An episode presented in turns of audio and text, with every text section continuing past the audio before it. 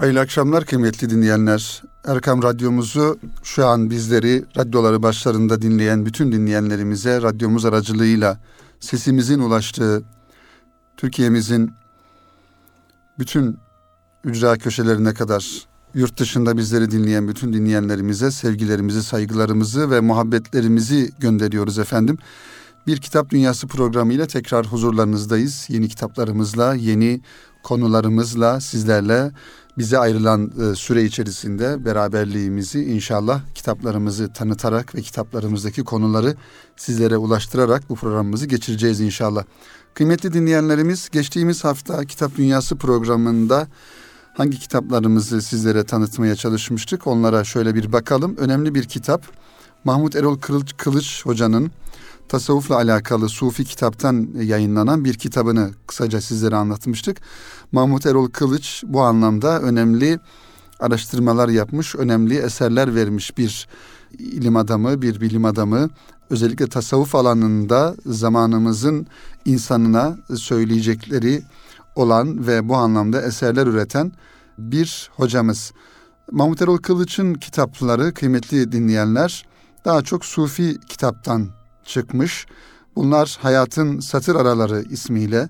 E, elimizdeki kitap da bu geçtiğimiz hafta size tanıtmış olduğum bu kitapta Tasavvufa Giriş ismini taşıyor. Tasavvufun ne olduğunu ve muhtevasının neler olduğunu bir yönüyle e, teorik anlamda bir ilim dalı olarak, bir alan olarak tasavvufu kavramlarıyla, alanlarıyla ve konularıyla bizlere anlatmaya çalışmış bu kitapta yazar. Diğer bir e, kitabımız ise kıymetli dinleyenler sizlere tanıtmış olduğum yine bir e, akademisyen olan Ali Köse'nin iz yayıncılıktan çıkan Enteller Aleykümselam der mi ismiyle kaleme almış olduğu önemli bir kitap. Burada da zamanımızdaki e, Müslümanların belli algılarına dikkat çekiliyor ve Batı'nın bizim e, İslam dünyasındaki tesirleri üzerinde dur, duruyor ve bir yönüyle de Batı ile İslam arasında ya da Batı ile Doğu arasında kalan bir Müslüman tipini bize sunuyor ve netice olarak da bu kitapta ideal bir Müslüman tipinin nasıl olması gerektiğinin e, ipuçlarını veriyor. Bir yönüyle de kıymetli dinleyenler Batı'da e, Batı da doğup büyümüş ancak İslam'ı sonradan kabul etmiş olan insanların da e, hayatlarını temas ediliyor bu kitapta ilgili olan kardeşlerimiz için tekrar bir hatırlatma yapmış olalım. Peki bu hafta nelerden bahsedeceğiz kıymetli dinleyenler? Bu hafta önümüzde birkaç kitap var. Bu kitapları şöyle ismini en azından telaffuz edelim. Biz tabii kitaplarımızın isimlerini e, ifade ediyoruz ancak her birisine belki programda zaman ayıramıyoruz, e, yetiştiremiyoruz daha doğrusu. E, onun için kalan kitaplarımızı da önümüzdeki programlarda sizlere takdim etmeye çalışıyoruz. Benim masamda önümde olan şu an e, kitaplar bir tanesi dergah yayınlarından çıkan Nurettin Topçu'nun Yarınki Türkiye isimli kitabı. Bu kitap kıymetli dinleyenler e, yazıldığı tarih itibariyle 1975'li yıllarda yazılmış olan bir kitap.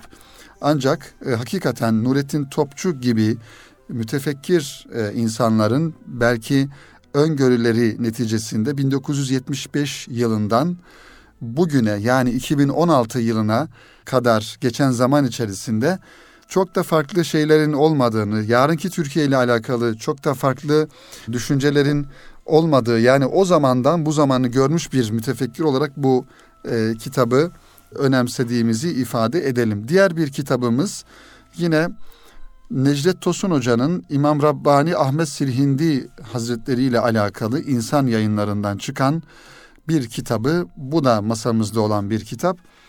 Ve başka bir kitabımız var. Hüseyin Tunç'un kaleme almış olduğu ve profil yayınlarından çıkan Fereç ismiyle Varlığın Ateşi isimli bir kitapta masamızda. Diğer kitaplarımızdan bir tanesi de kıymetli dinleyenler. Bu kitaptan inşallah başlayacağız programımıza. Tarihin Tanığıyım Bir Filistinli Diplomatın Hayatı ismiyle Fayaz Halil'in İHA yayınlarından çıkan önemli bir kitap.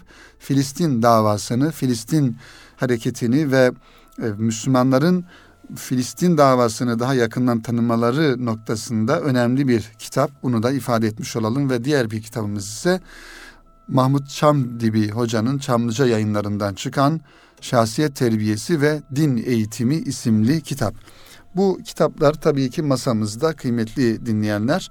Bunların içerisinden sizlere takdim edeceğim kitap birinci olarak programımızın birinci bölümünde sizlere takdim edeceğim kitap Bir Filistini Diplomatın Hayatı Fayez Halil yazarı ve İHH yayınlarından.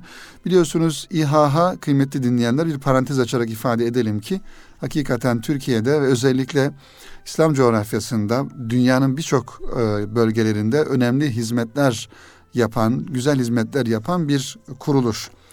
E, her ne kadar insani yardım yönüyle tanısak da bilsek de İHH'yı bu yönüyle de bulunmuş, hizmet etmiş olduğu coğrafyalarda, hizmet etmiş olduğu bölgelerde yapmış oldukları faaliyetlerle alakalı yayınlar e, neşretmekle beraber oradaki insanların ve o oradaki bölgenin problemlerini anlatan kitapları yayınladıklarını da biliyoruz. Evet, Filistin kıymetli dinleyenler son yüzyılın en acılı coğrafyasıdır desek abartmış olmayız. Bir asır boyunca her türlü yıkımı, işgali ve insanlık dışı katliamı yaşayarak adeta bir soykırıma tabi tutulan Filistin halkı ortaya koymuş olduğu onurlu mücadelesiyle Müslümanların hayat hatta bütün insanlığın vicdanı olmuştur. Filistin çözülme sürecindeki İslam ümmeti içinde yeniden diriliş umudunu taşımaktadır. Tabi İslam coğrafyasına baktığımızda kıymetli dinleyenler özellikle Osmanlı Devleti'nin dağılmasından sonra Osmanlı coğrafyası içerisinde bulunan bütün e, bölgelere, bütün e, haritadaki bütün yerlere baktığımızda hakikaten içler acısı bir durumla karşı karşıya olduğunu görüyoruz İslam coğrafyasının. Tabii Filistin davasına baktığımızda, Filistin'e, Filistin özelinde meseleye baktığımızda orada çok daha farklı bir durum söz konusu. Gerek siyasi, gerek ekonomik, gerek stratejik olarak çok farklı bir durum söz konusu olduğundan dolayı, gerek dini alanda farklı bir durum olduğundan dolayı dünya gündeminde çok daha fazla yer edinmiş oluyor Filistin davası. Halbuki Osmanlı dağıldıktan sonra sadece Filistin'de değil, diğer bütün İslam coğrafyalarında da en az onlar kadar acıların, zulümlerin, sıkıntıların, dertlerin olduğunu görüyoruz, müşahede ediyoruz. Dolayısıyla aslında e, şunu ifade etmek istiyorum kıymetli dinleyenler. Bugün Müslümanların e, sık problemi sadece bir Filistin davasıyla sınırlı değil. Artık bir tane Filistin değil, birkaç tane, onlarca Filistin. Yanı başımızda Suriye'deki yanan ateş ve Suriye'deki e, yapılan zulümler bir başka Filistin. Diğer tarafa baktığımızda Irak'taki yine aynı şekilde olan olaylar bir başka Filistin. Libya'ya baktığımızda, Lübnan'a baktığımızda buralarda yaşanan, Orta Doğu'da yaşanan bu acı hadiseler her birisi maalesef bizim e, artan, çoğalan e, Filistin e, vari acılarımız. Ama biz tabii ki bu anlamda şu an önümüzdeki kitap ekseninde bunları anlatacağımızdan dolayı daha çok Filistin'le alakalı e, bir takım bilgileri sizlere sunmaya çalışacağız. Filistin denince kıymetli dinleyenler zihnimizde canlanan manzarada yıkılan evler, katledilen çocuklar, mülteci kamplarındaki yetim ve öksüzler vardır hep. Fakat bütün bu yoksunluğun ve mazlumiyetin yanında izzetli duruşu, azmi, kararlılığı, taş atan çocukları ve her daim başı dik bir direnişi de biz bu topraklarda görüyoruz. Her ne kadar bütün sıkıntılarına rağmen, bütün yoksulluklarına rağmen ve bütün mahrumiyetlerine rağmen Filistin'deki insanların davaları için, vatanları için, dinleri için ve onurları, gururları için yapmış oldukları mücadele hakikaten takdire şayandır. Bunu bu şekilde anlamak gerekiyor ve ona da kıymetli dinleyenler biliyorsunuz orada Mescid-i Aksa'nın olduğu bölge Kudüs dediğimiz şehir ve Mescid-i Aksa'nın olduğu bölge Müslümanlar için önemli bir dini e, bir alan, bir kutsal mekan. Efendimiz Aleyhisselatü Vesselam'ın e, Miraç'a çıkmış olduğu yer ve Müslümanların ilk kıblesinin olduğu yer. Onun için oradaki Müslümanların bu anlamda vermiş oldukları mücadele aslında sadece Filistinli olarak verilen bir mücadele değil, aynı zamanda bütün İslam ümmeti için, bütün İslam coğrafyasında yaşayan e, ümmeti Muhammed adına verilen bir mücadele olarak da görmek gerekiyor. Evet kıymetli dinleyenlerimiz yaşadığımız çağda Filistinli olmak acının, zulmün, mahrumiyetin her çeşidiyle yorulmak olduğu gibi esarete boyun eğmeyişin, işgale başkaldırının ve adanmışlığın sembolü olmaktır aynı zamanda. Tam da bu noktada Filistin intifadası küresel bir işgal ve sömürü tehdidiyle karşı karşıya olan insanlığa örneklik oluşturabilecek köklü bir direniş bilinci ve pratiği sunmaktadır.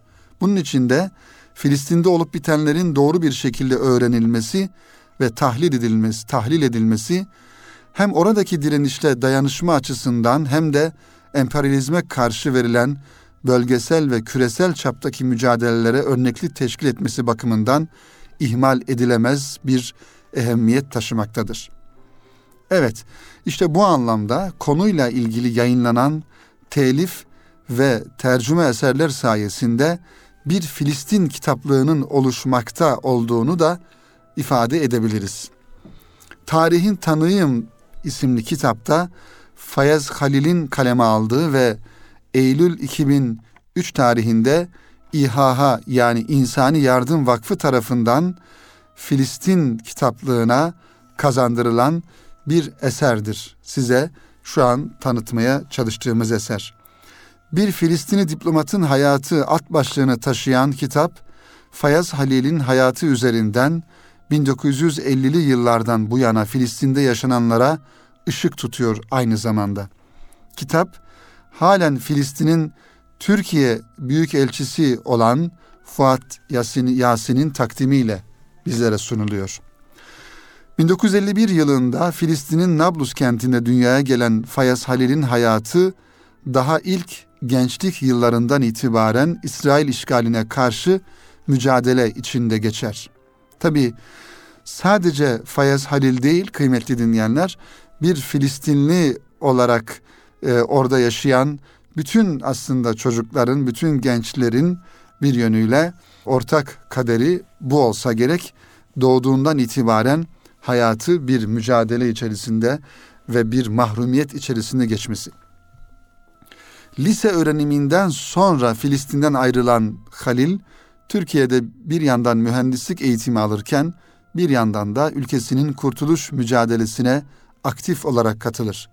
Önce El Fethi örgütünden daha sonra da Filistin Kurtuluş Örgütü içerisinde mücadelesine devam eder. Yazarı bir dönem cephede savaşan bir gerilla olarak görürken başka bir dönemde Filistin Kurtuluş Örgütü'nün dış temsilciliklerinde bir diplomat olarak görmekteyiz. İşte elimizdeki bu kitap kıymetli dinleyenler altı bölümden oluşup kronolojik bir seyir takip ediyor. Birinci bölümde yazarın doğduğu topraklara olan bağlılığına dair anlatımlarını ve çocukluğundan zihninde kalan bazı anekdotları okuyoruz. Mesela çocuk zihninde mülteci kavramının nereye oturtulduğunu, ne anlam ifade ettiğini burada dikkatimizi çekiyor. Mültecilere verilen sütlerin de aynı bidonlarla verildiğini düşünerek okullarda dağıtılan sütleri eğer içersek biz de mülteci oluruz korkusuyla içmediklerini anlatan cümleler çocuklar için mülteci olmanın ne anlama geldiğini ortaya koyması bakımından önemlidir. Evet, ilerleyen bölümlerde yazar Filistin direnişinin şekillenişinden Filistin Kurtuluş Örgütü'nün ortaya çıkışına, Arap-İsrail Savaşı'ndan Filistinlerin Arap devletlerinin liderleri tarafından satılıp ihanete uğramalarına kadar birçok konuya temas ediyor. Kitabın farklı bölümlerinde sürekli üzerinde durulan ihanet olgusunun Filistinliler üzerinde belki de işgalden daha acı etkiler bıraktığını düşünmemek mümkün değil. Yazar da bütün bu ihanetlerin ardından Filistin halkının zihninde Filistin'in kurtuluşa dışarıdan müdahalelerle değil ancak kendi evlatlarının kararlı mücadelesiyle kavuşabileceği kanaatini bizimle paylaşıyor ve bunu ifade ediyor. Filistin'de insanın kaderinin coğrafyayla nedenli özdeşleştiğini de görmekteyiz. Ancak bütün zorluklara, elverişsiz şartlara, işgale ve savaş ortamına rağmen Filistin halkının bir hususu asla ihmal etmediğini gözlemliyoruz. O da Filistin halkının kendi eğitimlerine verdiği hassasiyet, verdikleri önem. Elbette Filistin direnişini ayrıcalıklı ve üstün kılan unsurlardan biri de bu olsa gerek. Yazar kitabın sonlarına doğru intifadanın başlamasına ve Oslo sürecine değiniyor. Oslo ile ilgili olarak daha önce İsrail ile masaya oturmayı telaffuz etmek 1948 öncesi toprakları onlara bırakmak anlamı taşıdığından Filistin Kurtuluş Örgütü'nden tasfiye edilmeyi gerektiriyordu. Ama Arafat tarihi mücadele içinden çıkıp geldiği için onun barışçı çözüm çabasına çabalarına kimse ses çıkarmadı şeklinde bir değerlendirmede bulunuyor.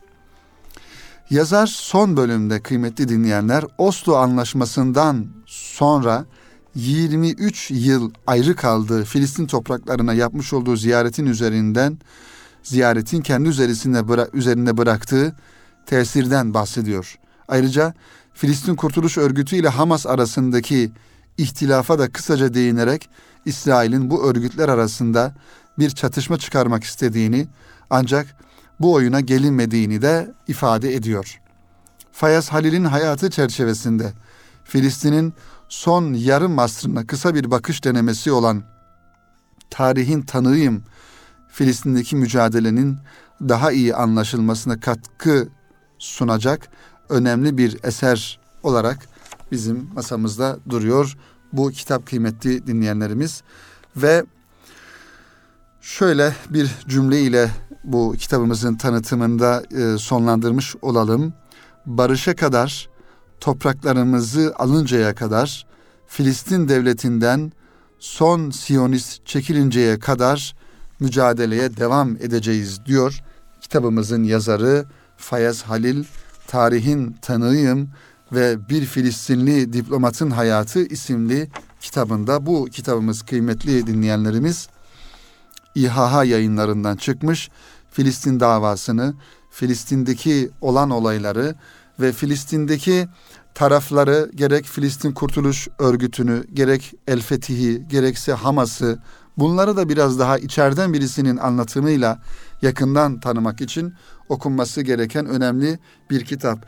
Tabi sadece bizim derdimiz, davamız Filistin olmaması gerekiyor. Filistin'in yanında programımızın da başında ifade ettiğimiz gibi kıymetli dinleyenler Filistin'in yanında diğer İslam coğrafyalarına da e, bir şekilde kayıtlı olmamız gerekiyor.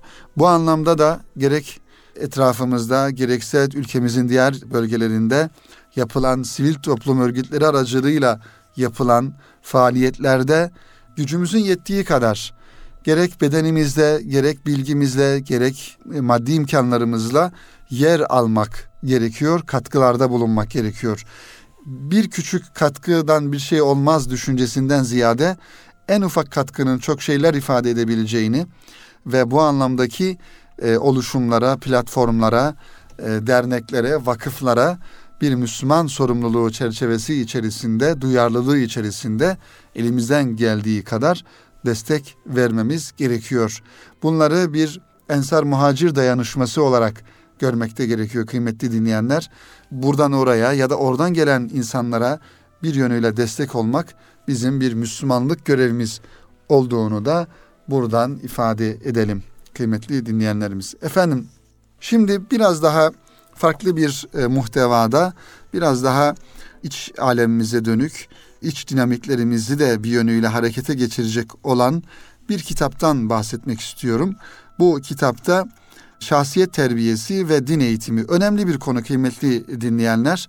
Özellikle son yıllarda değerler eğitimi çerçevesi içerisinde veya değerler eğitimi ana başlığı altında e, gerek özel e, alanlarda gerekse okullarımızda yeni nesillerimize ve e, genç nesle özellikle e, İslami değerleri, ahlaki değerleri, insani değerleri aktarma ve anlatma noktasında güzel faaliyetler ve güzel eserler verildiğini görüyoruz ve bunları takip ediyoruz. İşte din eğitimi de hakikaten önemli. Bu anlamda kıymetli dinleyenler özellikle modern bir hayatta kapitalizmin hakimiyetini, tahakkümünü kurmuş olduğu seküler bir hayat tarzının, batı e, kaynaklı bir hayat tarzının e, bütün her tarafta etkisini, tesirini gösterdiği bir zaman diliminde din eğitimine ayrı bir hassasiyet göstermek gerekiyor. Tabii geçtiğimiz yıllarda eskiden diyelim eskiden din eğitimi daha çok medreselerde, dini alanlarda, camilerde ve bunun yanında aileden yeni nesle aktarılan bir yönüyle gelenekle beraber aktarılan bir olgu olarak karşımıza çıkıyordu. Ancak şu an genç neslin e, kafasını meşgul eden, hayatını meşgul eden o kadar çok farklı şeyler var ki o yüzden e, biz bir yönüyle çocuklarımızın normal eğitimlerini e, almalarına ehemmiyet gösterirken akademik başarılarına çok ehemmiyet gösterirken maalesef bir taraftan bakıyoruz ki çocuğumuz daha Sübhaneke'yi okumayı bilmiyor. Bir Fatiha'yı doğru düzgün okumayı bilmiyor ya da bir Kur'an-ı Kerim'i okumayı bilmiyor. Dini bilgiler çok kısıtlı, çok az dini bilgiye sahip. Aslında biz e, çocuklarımızı, evlatlarımızı yetiştirirken akademik başarılarına, okul başarılarına çok önem vermemizin yanında diğer taraftan da onların dini eğitimlerini hem teorik anlamda, bilgi anlamında dini eğitimlerini e, ihmal etmememiz gerekiyor. Hem de pratik anlamda dini anlamdaki öğrenmiş oldukları o bilgilerini fiili olarak da uygulama noktasında onlara bizlerin yardımcı olması gerekiyor. Şöyle bir e, tanıtım metnimizle devam edelim bu kitapla alakalı. Mahmut Çamdibi hocanın Çamlıca yayınlarından çıkan Şahsiyet Terbiyesi ve Din Eğitimi isimli kitabı. Tanımlanması en zor varlık insandır. Tarih boyunca alimler, filozoflar, mütefekkirler hep insanı daha doğru tanımlamanın gayreti içerisinde olmuşlardır. Çünkü fikriyatınızı insanı tanımlama şekline göre inşa edersiniz. Eğer insan hakkında kısır bir tam, tanımlama yaparsanız fikriyatımız da o ölçüde kısır olacaktır. Kainatta şuurlu tek varlık insan olduğuna göre ortaya konulacak düşüncenin öncelikle insanı muhatap alması veya insan tarafından muhatap alınması gerekmektedir. İnsanı tanımlarken kimileri onu konuşan hayvan, kimileri eşya yapabilen hayvan, kimileri ise tabiattaki determinizmin edilgen bir üyesi şeklinde tanımlamıştır. Aslında insanı bütün yönleriyle tanıyabilmek bir başka insan tarafından mümkün değil, hatta imkansız. Çünkü her insan biriciktir. Bu anlamda Afrika'nın balta girmemiş ormanlarında hayatını idame ettiren bir insan ile büyük şehirlerde yaşayan insan arasında beşeri özellikler açısından, fiziki e, hususiyetler açısından hiçbir fark yoktur. Diğer taraftan kıymetli dinleyenler Kur'an-ı Kerim insanın eşrefi mahluk olarak yaratıldığını ve daha sonra aşağıların aşağısına kendi yapıp etmeleri yüzünden indiğini beyan eder. İnsanı en iyi şüphesiz ki onu yaratan tanır ve onu yaratan tanıtır. Dolayısıyla yaratıcının sözü olan kitaba kayıtsız ve şartsız güvenmek zorundayız. O kitap ki şüphesiz Kur'an-ı Kerim'dir. Kur'an-ı Kerim'de insanın hususiyetlerini, insanın yönlerini, insanın karakteristik yapısını anlatan ayeti kerimeler olduğu gibi insanın ne kadar şerefli bir varlık olduğunu ya da kendi eliyle insanın kendisini ne kadar aşağılar aşağısına indirebilecek kabiliyete de sahip olduğunu e, ifade ettiğini görüyoruz Kur'an-ı Kerim'de. Şahsiyet Terbiyesi ve Din Eğitimi adlı bu eser İslam noktayı nazarından insanı tanımlamaya gayret eden bir e, eser olarak ön plana çıkıyor, karşımıza çıkıyor. Kıymetli dinleyenler, kitabımız üç bölümden oluşuyor. Birinci bölümde şahsiyet ve terbiye kavramları etraflı olarak incelenmiş, ağırlıklı olarak batılı düşünürlerin, psikologların kanaatlerine yer verilmiştir.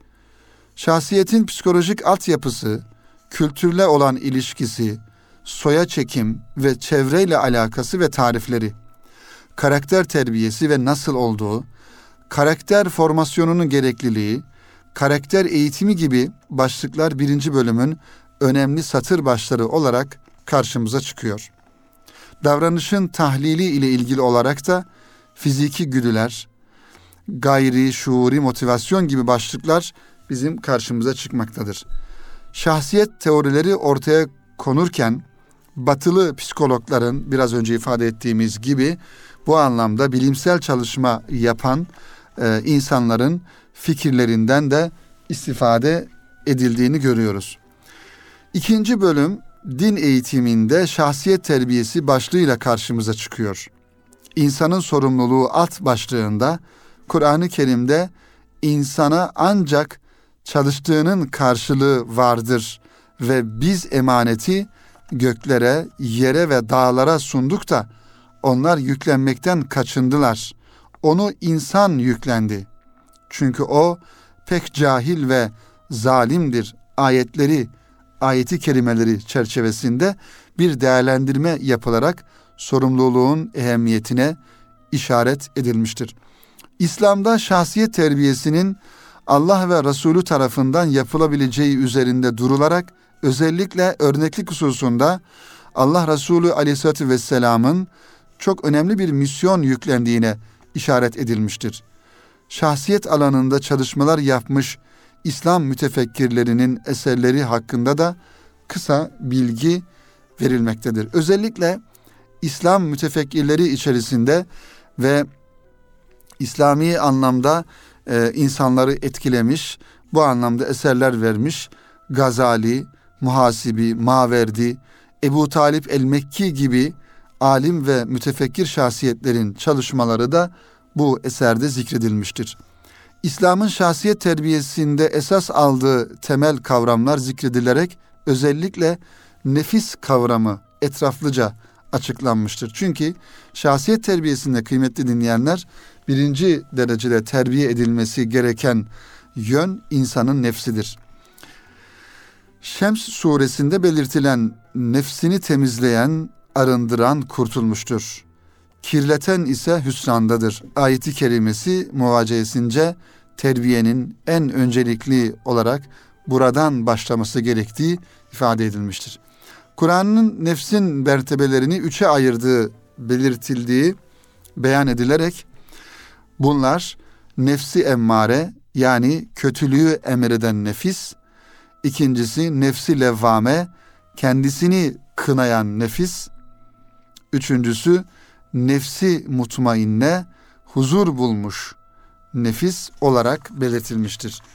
Ve nefsin tezkiye edilmemesi onun sahibini sürekli kötülüklere sevk edeceği gerçeğini de ifade eder. Teskiyeye başlamak için kişinin öncelikle nefsini iyi tanıması, onun güçlü ve zayıf yönlerini iyi etüt etmesi ve ona karşı nasıl bir mukavemet hattı oluşturacağının idrakinde olması gerekir. İşte tam burada nusreti ilahi yani Cenab-ı Hakk'ın e, yardımının kişinin yardımına e, koşacağı da ifade ediliyor. Yani insan eğer kendi nefsini terbiye etme gayreti içerisine girerse Cenab-ı Hak da ona bu konuda e, yardımda bulunur, yardımcı olur. Çünkü yukarıda da ifade ettiğimiz, az önce de ifade ettiğimiz gibi kişiyi en iyi Rabbi tanır, yaratıcısı tanır. Dolayısıyla Rabbin rehberliği olmadan nefsi yine Rabbin rızasına uygun olarak terbiye etmek imkansızdır. Burada terbiye etme ifadesine özellikle dikkat çekmek istiyoruz. Çünkü dinin bizden istediği nefsi öldürmek, ondaki temayülleri ortadan kaldırmak değil, onu tezkiye etmek, arındırmaktır. Zira kıymetli dinleyenlerimiz nefsi öldürmek ifadesi de aslında bir yönüyle nefsi terbiye etmek olarak e, anlamak gerekir. Zira insan hiçbir zaman e, nefsini öldüremez, nefsini yok edemez.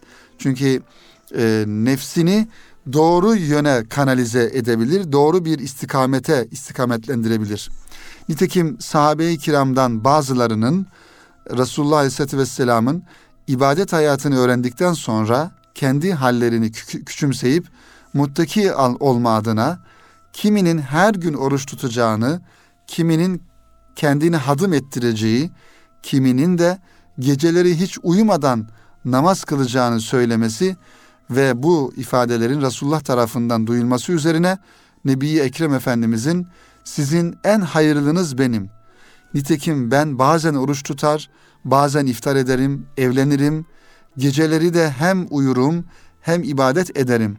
Kim benim sünnetimden yüz çevirirse benden değildir ifadesi işte İslam'daki bizim anlayışımızdaki nefsi öldürmenin nasıl olacağı noktasında bir ipucu verdiğini ifade etmek gerekiyor.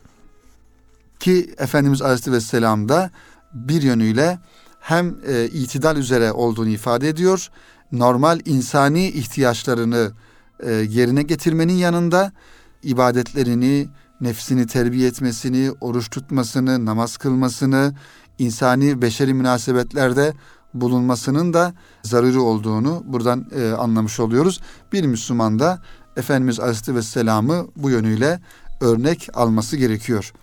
Evet kıymetli dinleyenlerimiz kitabımızın son bölümü olan üçüncü bölümde artık terbiyenin ne olduğuna ve nasıl olduğu hususu daha çok ön plana çıkmaktadır. Yazarımız kitabın genelinde olduğu gibi bu son bölümde de Gazali'nin terbiye metodu ekseninde bir çözüm önermektedir bizlere. Özellikle nefis terbiyesi ön plana çıkarılmakta ve imanın makarrı olan kalbin ahvali, durumu ile ilgili Gazali'den mülhem tespitler yapılmaktadır.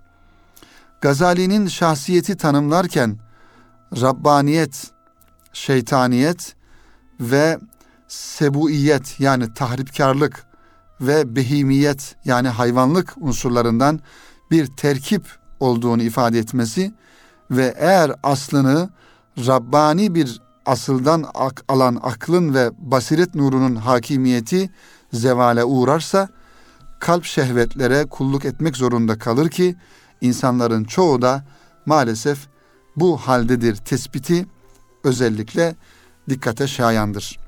Bu durum aslında her dönemde gerçekliğini farklı tezahürleriyle muhafaza etmektedir. İnsanların hayat tarzları ve refaha ulaşma kolaylığı eğer ki ciddi bir nefis tezkiyesi geçir gerçekleşmemişse zihin dünyalarını şekillendiren unsurların behimileşmesini sağlayacak ve kalplerin kararmasına, kalplerin duyarsızlaşmasına ve hakikate karşı kayıtsız kalmasına, bigane olmasına sebep olacaktır. İşte tam bu noktada içinde yaşadığımız toplumun genel özelliklerine bu yönden bakmak gerektiğini de ifade edelim kıymetli dinleyenler. Evet, ayartıcılığın her şekliyle ve her türlü kurnazlıkla müesseseleştiği bir durumla karşı karşıya olduğumuzu ifade edelim. Hayat tarzımızın Müslüman bir şahsiyetin hayat tarzına benzediğini iddia etmek gün geçtikçe zorlaşıyor. Artık bir yönüyle paket yaşam tarzları, butik yaşam tarzları ve renksiz bir hayat algısı hakim olmaya devam ediyor. Bu zihinlerimize hakim olduğu gibi hayatımıza, fiillerimize de hakim olmaktadır. Küreselleşme bahanesiyle tüm farklılıklar törpülenmiş ve zihinler tek tip yaşam tarzına, hayat tarzına alıştırılmış durumda. Farklılıkların en temel öznesi olan din nesnelleştirilerek sadece belli belli ritüellerden ibaret edilgen ve hayatın dışında bir unsur olarak telakki edilmekte. Küresel mekanizmanın dayattığı hayat tarzının dışında bir tarz benimsemek ve aşırılık yanlısı etiketlerini yemek için yeterli bir sebep. Bu kuşatılmışlık ve dayatılmışlık karşısında Müslüman şahsiyetin kendini gerçekleştirebilmesinin yolu öncelikle bir reddediş tavrı gerektirmektedir. Bunun yolu da azmanlaştırılmaya çalışılan, nefsinin kölesi haline getirilen, yaşamanın gayesini haz ve hız olarak gören, Kur'an'ın ifadesiyle nefsini ilahlaştıran modern çağın karşısına kendi değerleriyle çıkmaktır. Bu zor fakat bir o kadar da soylu bir eylemdir. Bu yolun taliplileri tarihi tecrübenin bize gösterdiği kadarıyla elbette ki azdır ve her zaman az olacaktır. Unutmamamız gerekiyor ki kıymetli dinleyenler, kitleler değerlerine samimi bir şekilde bağlandıkları e, kadar inançlarını ve hayat tarzlarını yaşayabilirler, yerine getirebilirler. Evet, sonuç olarak şunu ifade edebiliriz ki kitap genel anlamıyla Müslüman şahsiyetin kendini gerçekleştirme sürecinde yapması gereken eylemlerin, fiillerin özellikle İmam Gazali ekseninde neler olduğunu ortaya koymaya çalışmış akademik bir çalışma, bir tez olarak hazırlanmıştır. O yüzden şunu da ifade edelim ki bu tarz kitapları okurken bu kitapların bize işaret etmiş olduğu kaynakları da aynı zamanda okumamız e, gerekiyor. Bu anlamda hemen ifade edelim ki İmam Gazali Hazretleri'nin İhya Ulumuddin'ini özellikle başta İhya Ulumuddin isimli kitabını her bir Müslümanın mutlaka okuması gerektiğini bu Kitap Dünyası programından sizlere hatırlatmış olalım. Bu anlamda inşallah piyasada yayın evlerinde yayınlar e, arasında e, farklı yayın evlerinden de İhya Ulumuddin'i e, bulabiliriz, e, alıp okuyabiliriz. Ancak inşallah yakın bir zamanda da bunu da buradan bir duyuru olarak ifade etmiş olalım kıymetli dinleyenler. Yakın bir e, zamanda Erkam yayınları İhya Ulumuddin'i İmam Gazali Hazretleri'nin İhya Ulumuddin'ini 8 cilt halinde ve sempatik boy halinde inşallah sizlerin e, istifadesine sunacak. Bunu da buradan ifade edelim. Bu kitapla ilgili çalışmalar da son haline gelmiş oldu. İnşallah en yakın zamanda Erkam yayınları da bu kitapları yayınlayacaklar. İmam Gazali Hazretleri'nin e, İhya Ulumuddin isimli eserini. Efendim bu programımızda kıymetli dinleyenler şöyle kısaca özetleyecek olursak programımızın sonuna e, gelmişken iki tane kitabımızı sizlere takdim etmeye çalıştık, anlatmaya çalıştık. Birincisi bir Müslümanın dış dünyaya karşı, Müslüman coğrafyaya karşı, İslam coğrafyasına karşı duyarlı olmasını tavsiye eden, bu anlamda tarihi bir alanı ya da tarihi bir geçmişi süreçleriyle beraber anlatan ve oralı olan bir insan Filistin davasını Filistinli bir yazarın ağzıyla okuyabileceğimiz Tarihin Tanığıyım Bir Filistinli Diplomatın Hayatı isimli kitabı İHA yayınlarından çıkan bu kitabı sizlere anlattık. Diğer kitabımız ise tam diğer istikamette Müslümanın iç alemindeki eğitimini, nefis terbiyesini, şahsiyet imarını nasıl yapmasını bize anlatan ve bu anlamda da İmam Gazali Hazretleri'nin kitaplarından, eserlerinden referanslar gösteren Mahmut Çamdibi Hoca'nın Çamlıca yayınlarından çıkan Şahsiyet Terbiyesi ve Din Eğitimli isimli kitabını bu Kitap Dünyası programında sizlere tanıtmış olduk. Umarız faydalı olmuştur, istifadeli olmuştur inşallah. Tabii bu kitapları tanıtmanın e, her zaman ifade ediyoruz kıymetli dinleyenler. Bir gayesi de sizleri bu ve benzeri kitaplara yönlendirebilmek, bu kitapları daha ayrıntılarıyla okuyabilmek ve kültür dünyamıza, e, bilgi dağarcığımıza yeni bilgileri, yeni anlayışları, yeni düşünceleri kazandırabilmek. Efendim hepinize hayırlı akşamlar diliyorum. Kitap Dünyası'nın programımızın burada sonuna gelmiş bulunuyoruz. Bizleri başta İstanbul olmak üzere Bursa'da, e, Yalova'da, Kayseri'de, Konya'da, Ankara'da ya da uydu aracılığıyla şu an radyolar başlarında dinleyen bütün dinleyenlerimize saygılarımızı, sevgilerimizi ve muhabbetlerimizi gönderiyoruz. Haftaya aynı saatte, aynı günde buluşmak ümidiyle Allah'a emanet olun efendim.